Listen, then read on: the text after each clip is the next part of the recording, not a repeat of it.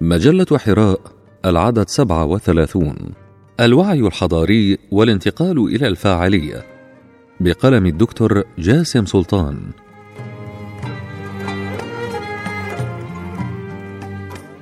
مشروع الوعي الحضاري والانتقال إلى الفاعلية والتمكين والشهود أخذ مسارا طويلا من التحليل ولكنه فيما نرى لم يأخذ حظه في مسار التنزيل. الانتقال من سؤال لماذا لسؤال كيف أو أنه عندما انتقل لسؤال كيف في أغلب أحواله أخذ مسارا متجها لفكرة محورية هي السلطة باعتبار أن تحقيق التقدم المنشود في الدولة المعاصرة لا يتم إلا عبر بوابة تبني الدولة لمشروع التقدم. وهذا بدوره أخذ طابعا مطلبيا مستمرا للدولة المعاصرة بأن تقوم بدورها أو طابعا لافتكاك الدولة من أيدي شريحة معينة وتحويله لفئة أخرى. هكذا مضت فترات الخمسينيات والستينيات والسبعينيات إلى يومنا ولم تثمر بعد نتيجة مرضية. ولنا أن ننظر للأحلام الثورية في بعض أصقاع الوطن العربي لنرى أن هناك مشكلة تتجاوز السلطة مشكلة تتعلق بالوعي سواء عند من نجحوا أو أخفقوا في الحصول على السلطة. بمعنى آخر إن الوعي المكافئ لإنشاء كيان سياسي واجتماعي قادر على اللحاق بالعصر يتعدى فكرة السلطة بشكل واضح ويصل لعمق حضاري دفين عمق فكري أعمق من مجال القوة المادية لمجال القوة الروحية والفكريه يتعدى فكر النخبة وهنا مربط الفرس لآلية تجعل الحساسية الجماهيرية متقبلة لفكر النخبة وهو الأمر الذي يعيد طرح السؤال في صيغتها العملية. كيف نوجد الوعي الحضاري الذي يشمل النخبة والحساسية الجماهيرية والذي يحرر فاعلية المجتمع وينقله للتمكين والشهود الحضاري؟ نقطة تفكر. كان مشهد المطالبين بالحرية والعدالة في أحد الشوارع ملفتا للنظر وهو منظر بدا مألوفا في هذا العصر في وسائل الإعلام. فهناك هتافات وشعارات تطالب بالخبز للجماهير تطالب بالتعليم والصحة للجميع وحول هؤلاء يلتف شرطة شغب متأهبين للانقضاض عليهم عند أول إشارة وهو منظر مألوف أيضا من كثرة تكراره. ولكن على أطراف المشهد كانت تمر جموع من الناس تنظر للمشهد وتبتسم أو تمارس هوايتها في التصوير أو تمر غير عابئة بكل هذا الصخب. شيء ما هناك أعاد لذاكرتي مشاهد أخرى التقت فيها الحساسية الجماهيرية بالمطالب الكبرى للنخب أو التقت فيها حركة النخب بالمطالب الكبرى للشعوب أو حتى حركة النخبة السياسية مترجمة لمطالب الشعوب وأحلامها كما في ماليزيا أو تركيا في عصرنا. شيء ما في المشهد الذي بدأنا به غير طبيعي. لا يكفي فيه أن يقال إن الجماهير مطحونة بحركة الحياة ولا وقت عندها للنظر في أحوالها. فهناك شعوب مطحونة بأكثر من ذلك التفتت لأحوالها وطالبت بتغييرها. يحضرني كتاب قرأته في الصغر وهو البؤساء الذي صور أحوال فرنسا فيما قبل الثورة الفرنسية. فالبؤساء هم أصل الثورات والتحولات ولا بد أن نبحث عن حلقة مفقودة في معادلتنا أعمق مما هو منظور. حلقة مكتوبة بالحبر السري عصية على القراءة للوهلة الأولى.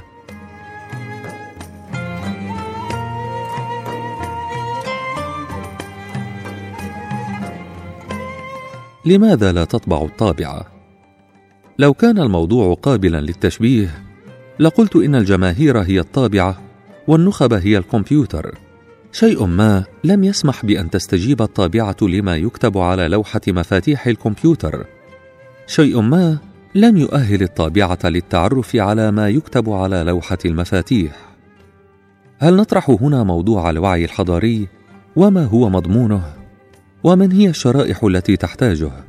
وكيف يصل إليها؟ ما هي الآلية التي يمكن بها أن تسود فكرة حية في مجتمع ما بشكل يسمح لها أن تساهم في حدوث تحولات حقيقية؟ مضمون الوعي الحضاري. لقد قلنا إن الوعي الحضاري هو وعي يكفي لإطلاق الفاعلية الحضارية في مجتمع ما. هو وعي بالذات ووعي بالآخر المنافس ووعي بمتطلبات التقدم في طريق الفوز بأقل التكاليف وفي أقصر وقت. إنه باختصار قدرة على اتخاذ القرار المناسب في إطار التدافع الإنساني. قرار يسمح بتحقيق الفوز بالنقاط بدل الضربة القاضية. بهذا المعنى يصبح أمامنا رؤية للمضمون تتكون من معرفة الذات والذات تتشكل من صورة عن الذات الحضارية والمتكونة عبر التاريخ وصورة لأسباب التخلف وبنيته وجذوره وصورة عن المستقبل المنشود وصورة عن الطريق للعبور له وصورة عن الواقع المحيط بالتدافع في صورة السياسة المحلية والدولية وصورة للاقتصاد ودوره في صناعة الأمم وصورة للدين كرافعة للتقدم أو ككابح للتقدم ثم صورة عن أفضل الممارسات الإدارية لهذا الواقع وأدوات التعامل معه. بهذا تتكون قاعدة سوية أولية للتعامل مع الواقع وإدارته في اتجاه صناعة الحضارة وعلى هذه الأسس يتكون المضمون. الشرائح الثلاث عندما ننظر للواقع سنجد أنه مكون من شرائح ثلاث متفاوتة الحجم والدور. فأمامنا شريحة الساسة وأهل الفكر وهي شريحة تصنع القرار والفكر. وأمامنا شريحة وسيطة في غاية الأهمية وهي شريحة الفنانين والأدباء والمسرحيين والسينمائيين والوعاظ. والشريحة الثالثة هي عموم الجمهور.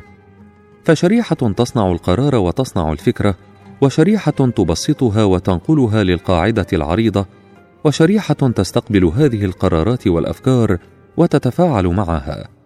وصناعة التقدم نحو الحضارة تحتاج لتفاعل الشرائح الثلاث فالحاسوب في هذه الشرائح هو الشريحة الأولى وإنها النخب. والطابعة هي الجمهور الذي يتفاعل مع ما تكتبه الطابعة. والوسيط بينهما هي الشريحة الثالثة التي تقوم بوصل حلقة النخب بالجمهور وهي التي تحول الفكرة المستعلية لحديث في المقهى والشارع وتوصله للبيت والمدرسة. إطلاق الفاعلية. والآن كيف يمكن أن نبدأ من نقطة لا نحتاج فيها لقرار علوي بالفعل؟ نقطة يمكن أن تنطلق من ممكناتنا كمجتمعات. وماذا تحتاج المجتمعات لإطلاق ممكناتها؟ يشير حديث الرسول صلى الله عليه وسلم أن الكتلة النوعية البشرية لا تزيد عن واحد في المئة لحدوث التحولات الكبرى فيها إنما الناس كالإبل المئة لا تكاد تجد فيها راحلة. متفق عليه. وفي مشروع الوعي الحضاري نحتاج أن نصل لهذه الكتلة البشرية النوعية وتحميلها بمشروع الوعي الحضاري وعيا لتعمل على تكوين مؤسسات الانطلاق وتملأ الفراغات. فمنها تتغذى شريحة المفكرين والنخبة السياسية ومنها تولد شبكة الفنانين والأدباء والكتاب والمسرحيين والوعاظ ومنها تبدأ معالجة الملفات الكبرى فنصل إلى جيل قادر على أن يغذي مفاصل الفعل ويصل الفكرة بالجماهير وبالتالي يمكن الطابعة من الاستجابة لما يكتب على الكمبيوتر. فالتحول من نداء الموتى أو طلب المعجزة أو مناداة الثالث الغائب لتحديد محتوى الوعي الحضاري المطلوب وتحديد آليات نقل الوعي ومؤشرات مقياس الوعي وتحديد الزمن اللازم لإنجاز مشروع نقطة التحول سيكون نقطة تحول كبرى. كل ذلك من الممكنات في ظل التطورات التقنية المعاصرة. ولو تضافرت الجهود للقيام بهذا الأمر لأمكننا أن نعبر الحاجز بين النظرية والتطبيق. وهذه هي النقطة الأولى في حركة المشروع التي يمكن أن تجعل أحلام الأمة بالتمكين والشهود الحضاري ممكنة.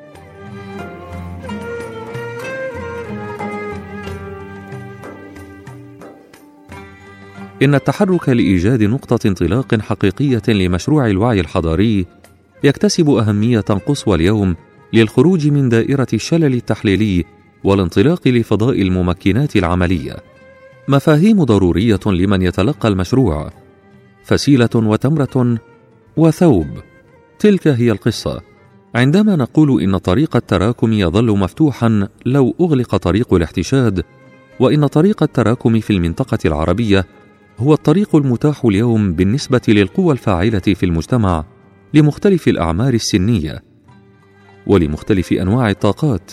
فنحن ببساطة ندعو لتحرير ممكنات الفرد وإعادته لدائرة الفعل. ونعتقد أن طريق التراكم سيتقاطع معه يوما ليس ببعيد طريق الاحتشاد. فكلما زادت الخيرية في المجتمع كلما كان نهر الحياة من الأفكار والعلاقات والمشاريع أشد فاعلية. ولا يبعد كثيرا أن يلتقط الخيط من بيده القرار ليحول أحلام أمته لواقع. ولتفعيل طريق التراكم يلزم استحضار مفهوم المساهمة والمساهمة تعتمد فيما يقع تحت دائرة فعل الإنسان الفرد أو المؤسسة وممكناتها. وحينها يسأل الإنسان عن الجدوى ماذا يعني التقاط ورقة من الطريق في ظل وضع يسمح بإلقاء أكوام من القمامة؟ كل يوم في الطرقات. هنا يسحق الفرد أمام المشهد الكبير الضاغط ويدخل مرحلة اللامبالاه فليفعل كما يفعل غيره. وحشر مع الناس عيد كما هو المثل الدارج. لكن ماذا يضيف لنا الإسلام من معان لعلاج هذه الحالة المستشرية؟ إنه يقدم لنا فسيلة وتمرة وثوب. لست أمزح. فمفهوم الفسيلة جوهري في الفعل النهضوي. لو كانت بيد أحدكم فسيلة وقامت القيامة فليغرسها. إنها تعرض علينا الحد الأقصى من اليأس في النتائج وتدعو للفعل في الأوضاع التي ليس بعدها عمل. في وضع قد قرب أن تطوى فيه صفحات الإنسان ولكن فسيلته الأخيرة التي زرعها قد تكون مرجح نجاته يوم القيامة. فتأمل. ومفهوم التمرة مفهوم محوري في طريق النهضة. لا تحتقرن من المعروف شيئا ولو أن تصدق بشق تمرة. فالسيدة التي كانت تلقط الحصى من مسجد الرسول وهي تلقط الدر من تراب الجنة. عمل صغير من المداومة عليه مع النية الصالحة. يمكن أن يكون نصيبك من إطلاق مشروع الأمة الناهضة. ومفهوم الثوب. لقد كان حل الرسول صلى الله عليه وسلم لأهل مكة لرفع الحجر الأسود أن يمسك كل منهم بطرف من الثوب فيرفع الحجر ويوضع في مكانه. هكذا يرتفع حجر النهضة ويعلو بناؤها. فليرفع كل فرد من زاويته طرفا من الثوب ليقدم كل شخص جهده وإن قل ولا يقف مكتوف الأيدي. إن المهمة الكبيرة حين يريد الشخص أن يقوم بها كلها أو لا يقوم بشيء منها يقع في معادلة العجز. فالمهام الكبيرة كنهضة أمة وهي موضوعنا غير قابلة للتحقق بفعل شخص واحد ولو كان حاكما. فإن كان ما يقابل القيام بها كاملة هو عدم القيام بأي شيء فهو العجز بعينه. والفيل لا يمكن أكله قطعة واحدة.